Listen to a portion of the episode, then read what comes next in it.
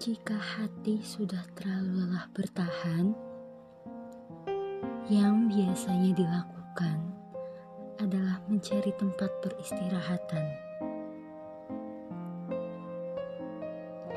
Jika bibir sudah terlalu lelah bicara, maka yang dilakukan adalah diam seribu bahasa. Jika kaki sudah terlalu jauh melangkah, maka sudah waktunya untuk kembali ke rumah.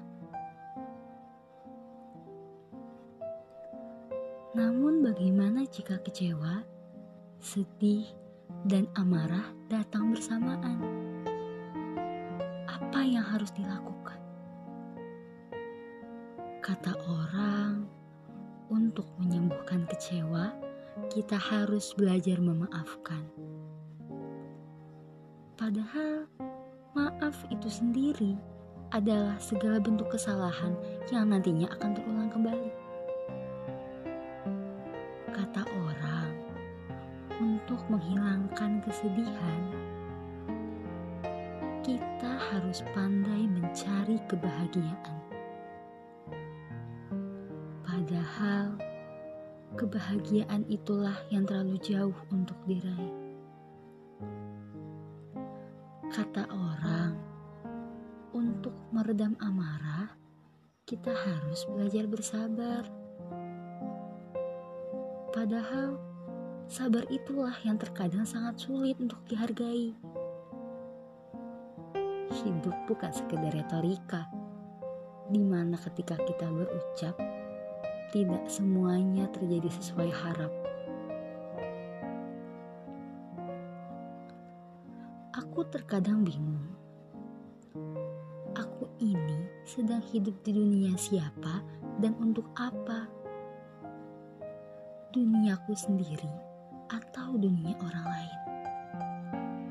Untuk mengejar kebahagiaanku atau orang lain? Ternyata benar. Menuruti keinginan orang lain sampai melupakan diri sendiri itu tidak baik. Karena memang keinginan orang lain tidak akan ada habisnya. Ternyata benar.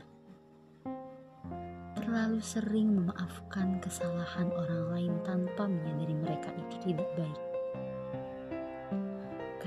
Jika terus-menerus begitu, kata maaf hanyalah sebagai obat penenang sesaat yang tak menjamin akankah terulang atau tidak.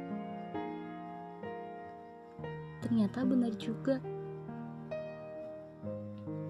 Terlalu sabar tanpa mempedulikan perasaan sendiri itu tidak baik.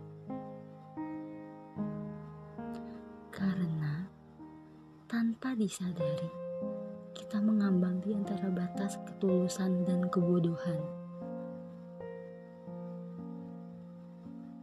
Sekarang aku tersadar, memperlakukan diri sendiri tidak semudah memperlakukan orang lain. Berbaliklah, berbaliklah kepada dirimu sendiri. Pulanglah sayangilah dirimu sendiri. Beristirahatlah.